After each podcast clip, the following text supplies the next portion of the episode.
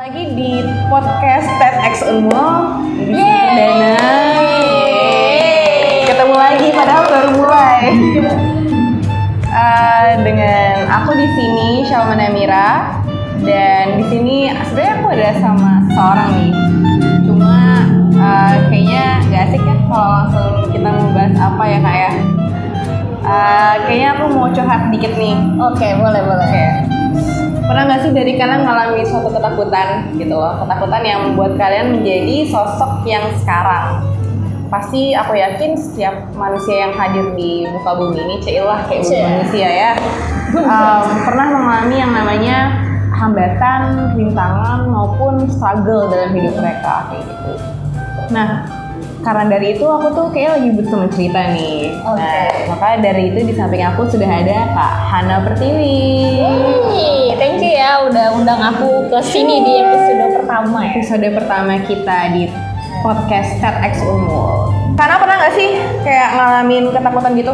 Pastilah kayaknya semua orang merasakan ketakutannya, tapi yang harus dipahami sama semuanya, ketakutan itu harus diterima gitu. Tapi kita harus juga tahu gimana solve uh, ketakutan itu gitu ya. Nah, ketakutan itu kan bagian dari emosi ya, dan emosi manusia itu pada dasarnya itu ada enam gitu, dan itu kita harus uh, pahami sama-sama gitu kan. Nah, bahkan emosi juga kan uh, itu mempengaruhi motivasi untuk kita melakukan ataupun tidak melakukan sesuatu gitu. Hmm. Nah, uh, tapi kita harus bedain juga nih emosi, perasaan, mood itu apa Benar, gitu. benar. Kayak emosi itu kan spontan gitu kan. Mhm. Kalau perasaan itu uh, dicampur gitu ya. Dalam artian kita jika emosi, kita akan hubungkan dengan pengalaman kita tuh, muncullah perasaan itu. Kalau mood itu durasinya tuh bisa berhari-hari bahkan yang nggak nentu gitu. Namanya kayak makanya ada yang namanya mudian gitu kan ya. Mudian. Nah, dan kita tuh harus pahami gitu apa aja yang membuat triggernya apa sampai kita takut gitu gitu sih jadi kalau misalnya takut itu pasti banyak eh, dalam artian bisa takut karena kita takut gagal takut diomongin orang takut nggak maksimal ngelakuinnya. Jadi banyak hal. Jadi kayak ketakutan kebahagiaan rasa jijik itu bagian dari emosi yang harus diterima. Ada enam benar-benar. emosi. Nih Kak Hana nih kayaknya tahu banget ya soal emosi. Oh iya benar kita lupa, aduh, lupa banget kenalin sosok Kak Hana. oke Jadi Kak Hana ini kayaknya satu unmul sudah nggak ada yang asing ya sama lah, Kak Hana. alay banget Kalian yang di ruangan ini pasti kenal ya. Nah, jadi eh, ini Hana Pertiwi nih. Mm-mm. Eh, du- beliau ini salah satu apakah ini penerima beasiswa kemarin ya? Iya benar. Eh, Bisa nggak ya namanya ya? International Visitor Leadership. Leadership Pro- Program di USA. Iya. Berapa lama tuh Kak kemarin? Itu kurang lebih sebulan. Sebulan. Nah, dan itu fully funded. Jadi Fully funded. semuanya kayak tiket, terus makan dan lain-lain dibiayain. Persaingannya kemarin gimana Kak sampai bisa nembus kayak gitu? Awalnya tuh ada sekitar 500 pendaftar dan itu menurutku juga kurang sekali. Menurutku ya skala kayak Oke. Amerika gitu loh, mesti kok dikit banget yang daftar gitu. Karena aku cari kayak ada nggak ya dari Kalimantan gitu yang daftar ternyata susah mencari orang Kalimantan mengikuti program ini gitu dari tagar yang aku cari gitu. Hmm. Terus dari 500 ke 60 dari 60 itu kita kan ada, ada interview ya. Untuk ke tahap-tahap itu ada interview ada esai dan lain-lain gitu. Sampailah ke 20 ke 20 ini seleksinya di Jakarta Alma. Jadi seleksi di Jakarta itu kita ada debate gitu kayak FGD terus uh, ada tampil bakat ada psikotes barulah muncullah 10 orang ini. Jadi yang berangkat tuh 10 orang. Terus Sama- sebenarnya takut juga sih Alma untuk ikut itu. Iya pasti. Maksudnya Pasti kayak secara Amerika Lima- mikir gak sih? iya kayak sih. Amerika gitu kayaknya. 500 pendaftar se Indonesia lah, Mm-mm. iya kan? Dan satu-satunya ini Putri Kalimantan, setahu kakak uh, kemarin. Pontianak ada sih. Yang 10 besar ya, Hmm. 10 besar ada Pontianak. Kalau 60 besar tuh kayaknya ada Kalsel juga deh. Nah, berarti kalau Kaltim aku aja dari awal, dari awal yang 60 itu wow, oke. Berarti kan Eh oh, tapi ada orang Berau, tapi Masa? kuliahnya di di Di mana? Malang. Kuliahnya di Oh, Malang. oke, Jadi berarti dia- anak perantau ya? Ah, ah, kalau aku kan kuliah di sini, asli asli, sini juga. Oke oke. Kalau Alma sih dengar cerita Kak Hana takut nih udah merinding duluan yakin nggak ya aku bisa ikut nih skala nasional kayak gitu. Nah kok bisa sih gitu tuh kepikiran untuk ikut Nah. nih kayak gini? Apa ketakutan apa yang Oh, kakak iya, iya. rasakan gitu? Ada nggak kayak gitu? Ya.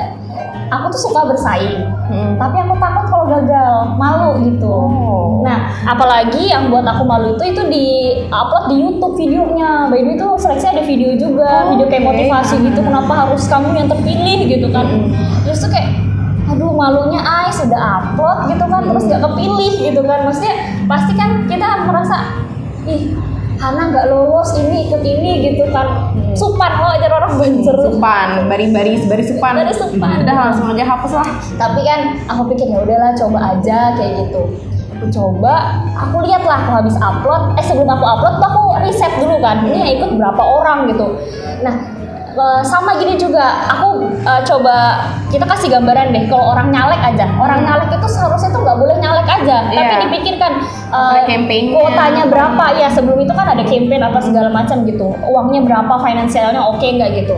Nah kalau kita nggak memetakan berapa kuota yang masuk di parlemen kita tuh nggak punya bayangan effort kita seberapa besar. Nah makanya aku sudah memetakan ih sainganku nih dari sini-sini. Bahkan ada yang eh, anak Indonesia kuliah di Australia daftar juga S2 Oke.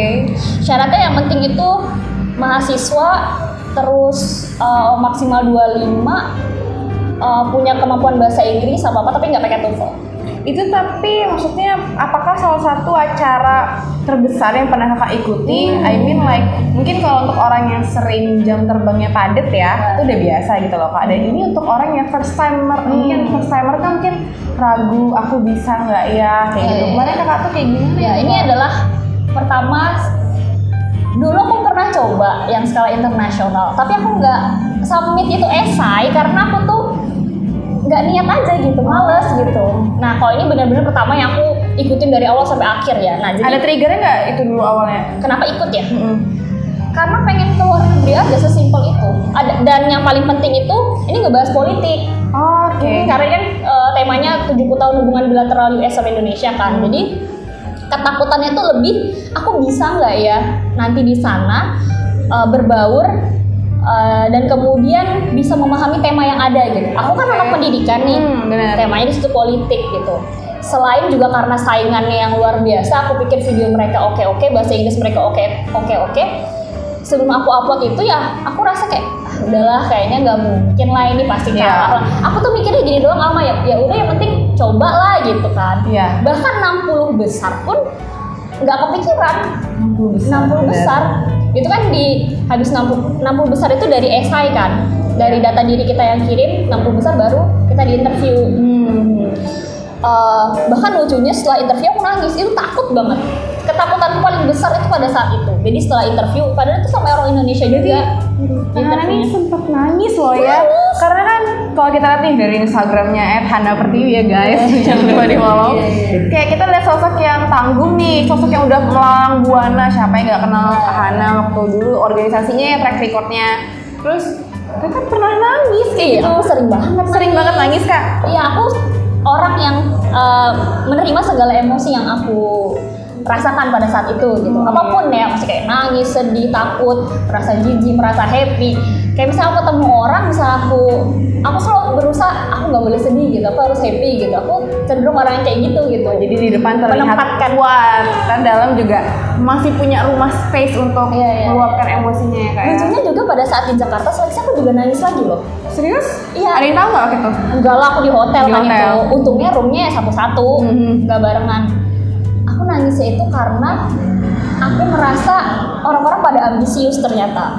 Nggak orang-orang sih kayak uh, salah satu di antara kami gitu pada saat itu.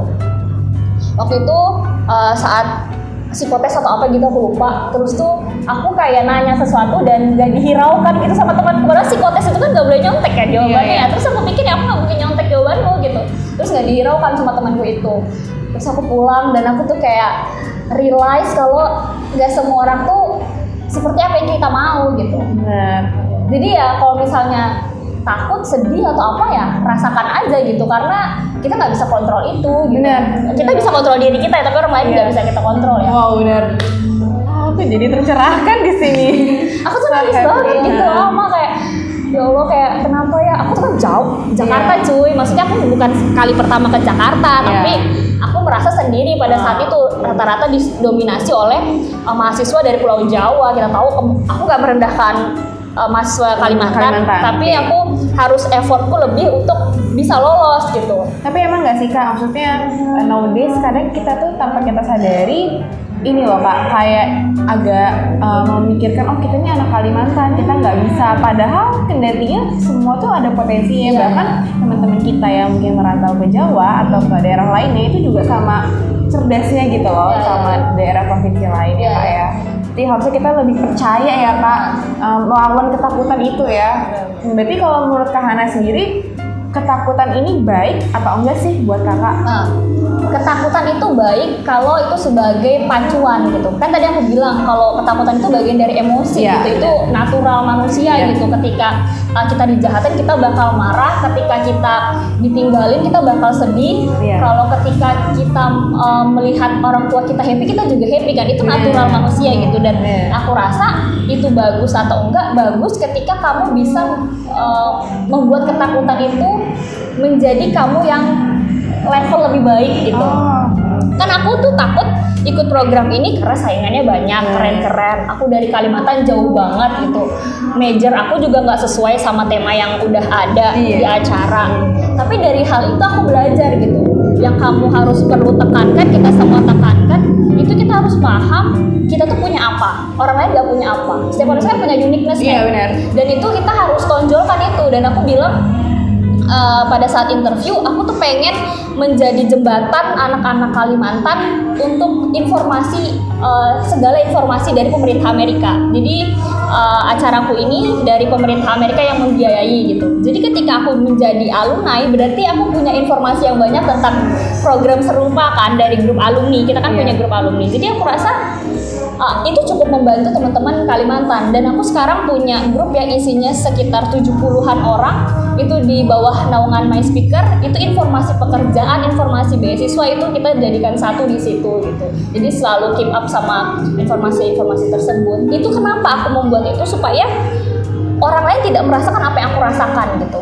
Nah begitu juga kenapa akhirnya aku pengen bersuara terus gitu. Aku pengen ngisi seminar, aku pengen ngisi apa. Karena aku nggak pengen orang-orang merasakan Informasi yang nggak up to date di Kalimantan, eh, beasiswa yang sangat eh, jauh dari kita, peredaran kita, kecuali kita memang punya usaha untuk eh, ke situ gitu. Makanya aku ingin menjembatannya lewat grup itu gitu dan sharing-sharing di situ. Itu sih. Jadi uh, tadi kan kakak bilang uh, sekarang sudah berbagi juga juga nih ke kita kita semua tentang apa sih yang kakak takuti kemarin. Oh ternyata orang-orang yang ambisius mungkin itu salah satu faktor ya dari berbagai macam ketakutan. Nah di samping ini nih kak ada nggak sih kak kalau yang alma tangkap dari tadi kakak ini kan juga kita tahu backgroundnya waktu SMK ya dulu Iya, SMK iya, aku SMK-nya SMK. akuntansi kuliahnya FK Ya, aneh bahasa banget ya. Inggris relevan sih sebenarnya bahasa Inggris dengan uh, tadi yang kakak ikutin itu.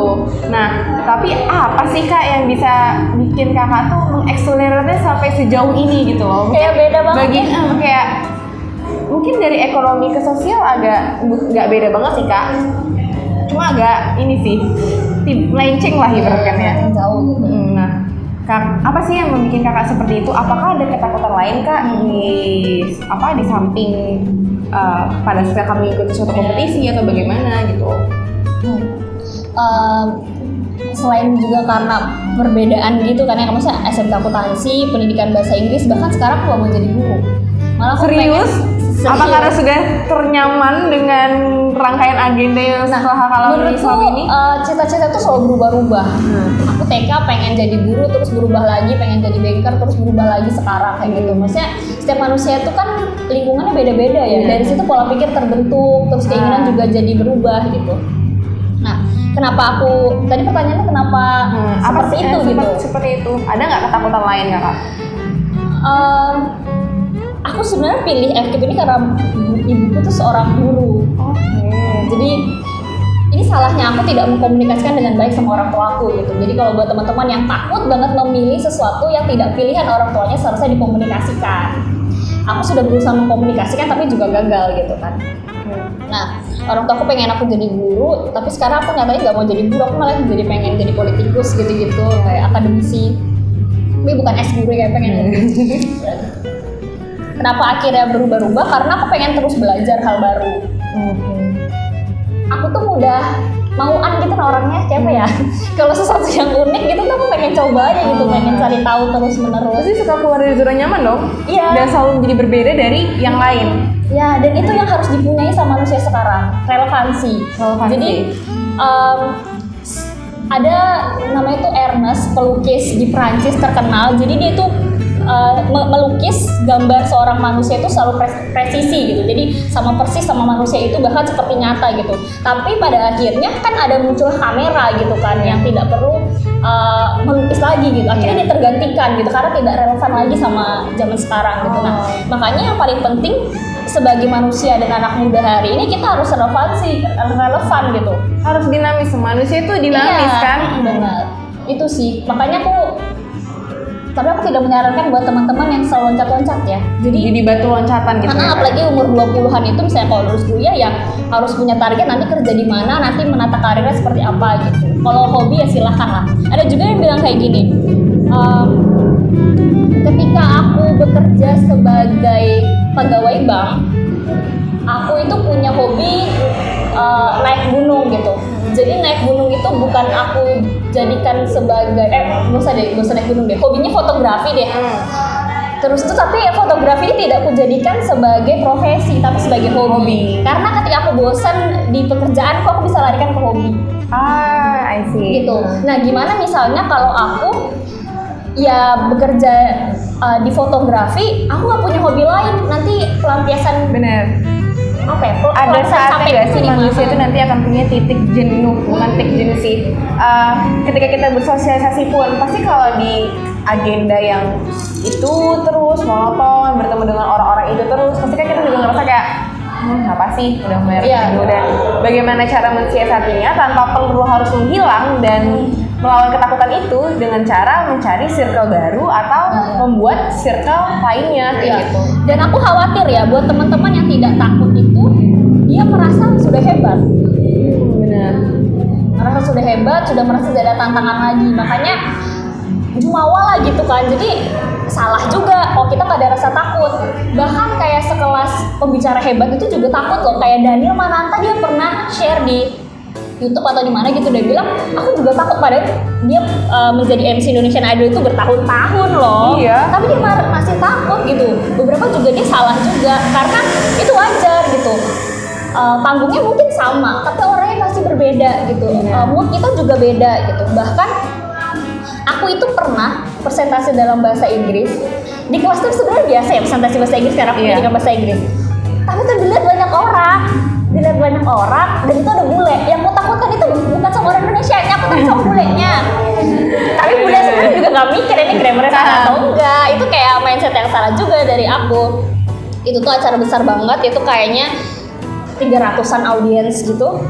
Terus diliput eh, media nasional juga. Itu di mana? Di Jakarta. itu di Balikpapan. Itu bukan acara aku baru-baru di Amerika tuh enggak. Ini di Balikpapan acara presentasi. Latihan latihannya sebentar, sebentar memang gitu. Tuh kerja kelompok gitu. Terus maju teman gue tuh kayak ayo ayo Hana gitu. Kayak go go gitu kan. Semakin kayak gitu semakin kita down sebenarnya. Oh. makanya siasat aku misalnya ikut kompetisi kayak speech atau apa aku nggak pernah undang temanku.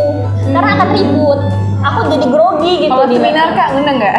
aku seminar ya jarang paling kan mahasiswa baru kan Iya, yang oke. audiensnya kan jadi nggak ada seumuran aku karena itu pasti mereka masih semangat tapi nggak sadar kalau kita tuh sudah deg-degan gitu di situ orang beda-beda ya mungkin kalau pas semangat ada juga yang happy gitu sama kasus sama Putri Indonesia mungkin Iya yang kemarin. ya itu kasian banget yang dia gugup ya. Maksudnya Heeh. jadi padahal orang tuh juga setiap orang punya kegugupan masing-masing kayak gitu. Dan it's not easy to step up in semua mata Yeah. all eyes on you kayak gitu saya juga bisa merasakan sih yang kemarin itu dan mungkin ini bisa juga jadi kayak pelajaran juga buat kita semua to not to be judgmental to others gitu loh Yeah. must uh, understand dulu lah orang itu kayak gimana karena beneran deh orang tuh gak bakal pernah ngerasain sebelum dia yang ngalamin Iya. mungkin orang-orang yang judgmental sekarang atau orang-orang yang melihat seorang yang penuh ketakutan kehidupan karena mereka nggak pernah di posisi seperti itu Iya, iya.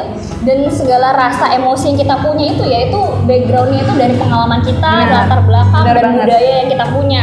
Eh, terutama aku sorotinnya ke parenting sih. Jadi Iya. kalau teman-teman hari ini kayak, ih kenapa ya dia kok happy terus, oh kenapa ya dia sedih terus?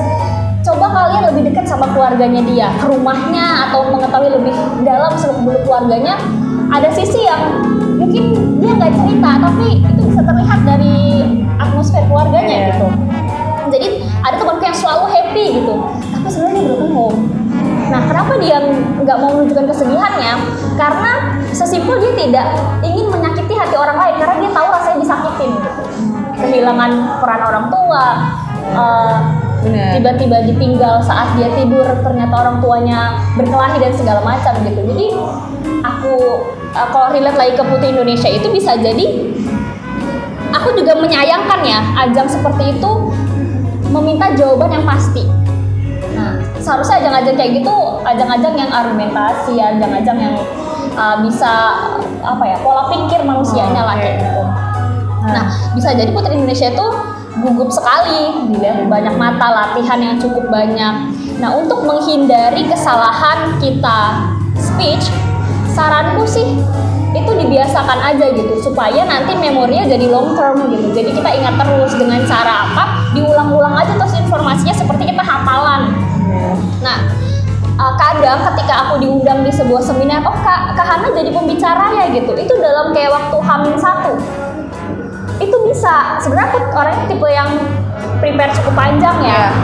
Aku pilih sesuatu yang aku iyakan kalau itu memang aku kayak share pengalaman gitu aku mau. Tapi kayak lebih uh, teknis kayak public speaking, aku akan prepare lumayan banyak panjang dan aku tolak gitu biasanya. Nah, pada saat di lobby Hamin satu aku mengiyakan itu nggak bakal aku terbata-bata kalau itu natural aja keluarnya. Oh ini kan kita natural Iya. aja keluarnya ngobrol apa asik dan segala macam. Jadi saranku segala pun terutama dalam hal public speaking ya natural aja keluarnya. Hmm, Oke. Misalnya penggunaan bahasa daerah atau kalian masih sering eh, eh, gitu ya diterima aja tapi pelan-pelan coba diminimalisir aja. Nah, jadi kita udah ngebahas segala ketakutan ya kak dari Kahana sendiri, baru kita juga ada lihat uh, case dari teman-teman kita di sekitar gitu. Nah, mungkin ini konklusi sih Kahana, maksudnya how you deal with your fear after all this time gitu. Apa yang bisa membuat kakak berdamai dengan ketakutan kakak dan ada nggak sih kayak pesan-pesan sedikit nih buat kita semua bagaimana embrace our fears with gimana ya? Sebenarnya ketakutan itu tuh malah menghasilkan sebuah pengetahuan gak sih? Hmm, ya, kayak di ya. tetek sunu tema kita gnosis. Gnosis kan artinya pengetahuan kak jadi eh, mana kalau yang menurut saya sih ya kak eh, ketakutan itu justru menghadirkan pengalaman dan pengetahuan baru untuk kita Hmm. makanya kan eh, manusia itu nggak akan pernah tahu kalau dia belum mencoba gitu barangkali dari ketakutan itu kita malah bisa mengevaluasi diri itu kalau menurut saya sih kak nah kalau untuk kak Hana sendiri gimana Aku biasanya berdamai itu dengan menulis. Cara orang kan beda-beda ya. Ada yang nonton, Iya. ada yang jalan atau apa dan segala macam. Aku sukanya nulis gitu dan aku nulisnya di buku. Aku masih punya diary by the way sampai sekarang. diary itu buku apa Buku, digital buku terus kayak ada gembok kayak gitu biar orang tahu. oh pakai pin di di Enggak lah, berangkas dong. oke Jadi nulis gitu benar-benar nulis. Maksudnya apa yang aku rasakan, marah, apa takut, eh, takut ngecewain orang banyak, takut Iya. dan segala macam gitu. Eh, kalau kamu ngerasa takut per- takut disalahkan, takut nggak sempurna, jangan sampai sih. Karena itu jadinya kamu nyakitin dirimu sendiri karena nggak bakal ada kesempurnaan kan iya ya PR-nya ya rasakan takutnya, jalani aja, terus evaluasi diri yang kamu tadi bilang. Jangan sampai ketakutan itu membatasi diri kita gitu. Padahal kita bisa eksplor lebih diri kita ini, tapi kita terbatasi oleh apa ya? Kayak terkungkung oleh bola ketakutan itu. gitu. Jadi kira di tempat itu aja stuck nggak ke mana-mana gitu. Yang harus dilakukan kalau menurutku em, rilis semuanya, keluarin apa yang uh, kamu takutkan, apa yang membuat akhirnya kamu nggak maju ke tahap itu, bisa dengan nulis, bisa dengan jalan, bisa dengan sharing sama orang yang kamu percaya. Terus ya coba terus apa yang kamu takutkan, misalnya aku takut uh, takut ikut audisi yang kemarin, gitu. Aku coba gitu, akhirnya mendapatkan pengetahuan. harus Pengetahuan- nyebur dulu ya kak ya. Bener, aku dapat terus lah. Betul, aku dapat pengetahuan soal dunia luar, aku dapat pengetahuan soal politik, aku tahu uh, ternyata pemerintahan Amerika itu seperti ini gitu. Seandainya aku apa ya terkungkung di ketakutan itu, aku nggak bakal menginjak New York yang aku lihat di film. New York langsung ada backsoundnya gitu ya kak ya? Gitu. Jadi coba coba terus evaluasi diri Benar.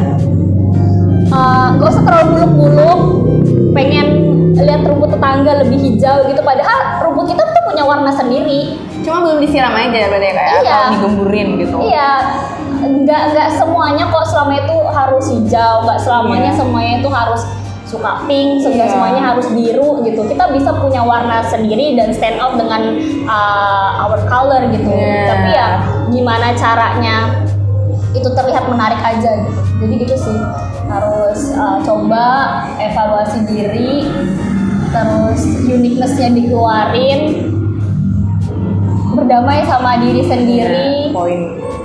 That's the point ya kayak. Berarti sabar aja sih maksudnya pelan-pelan gitu nanti akan ada jawabannya kok maksudnya mungkin sabar satu persatu gitu iya ya. kayak kayak. film ya Kayak film.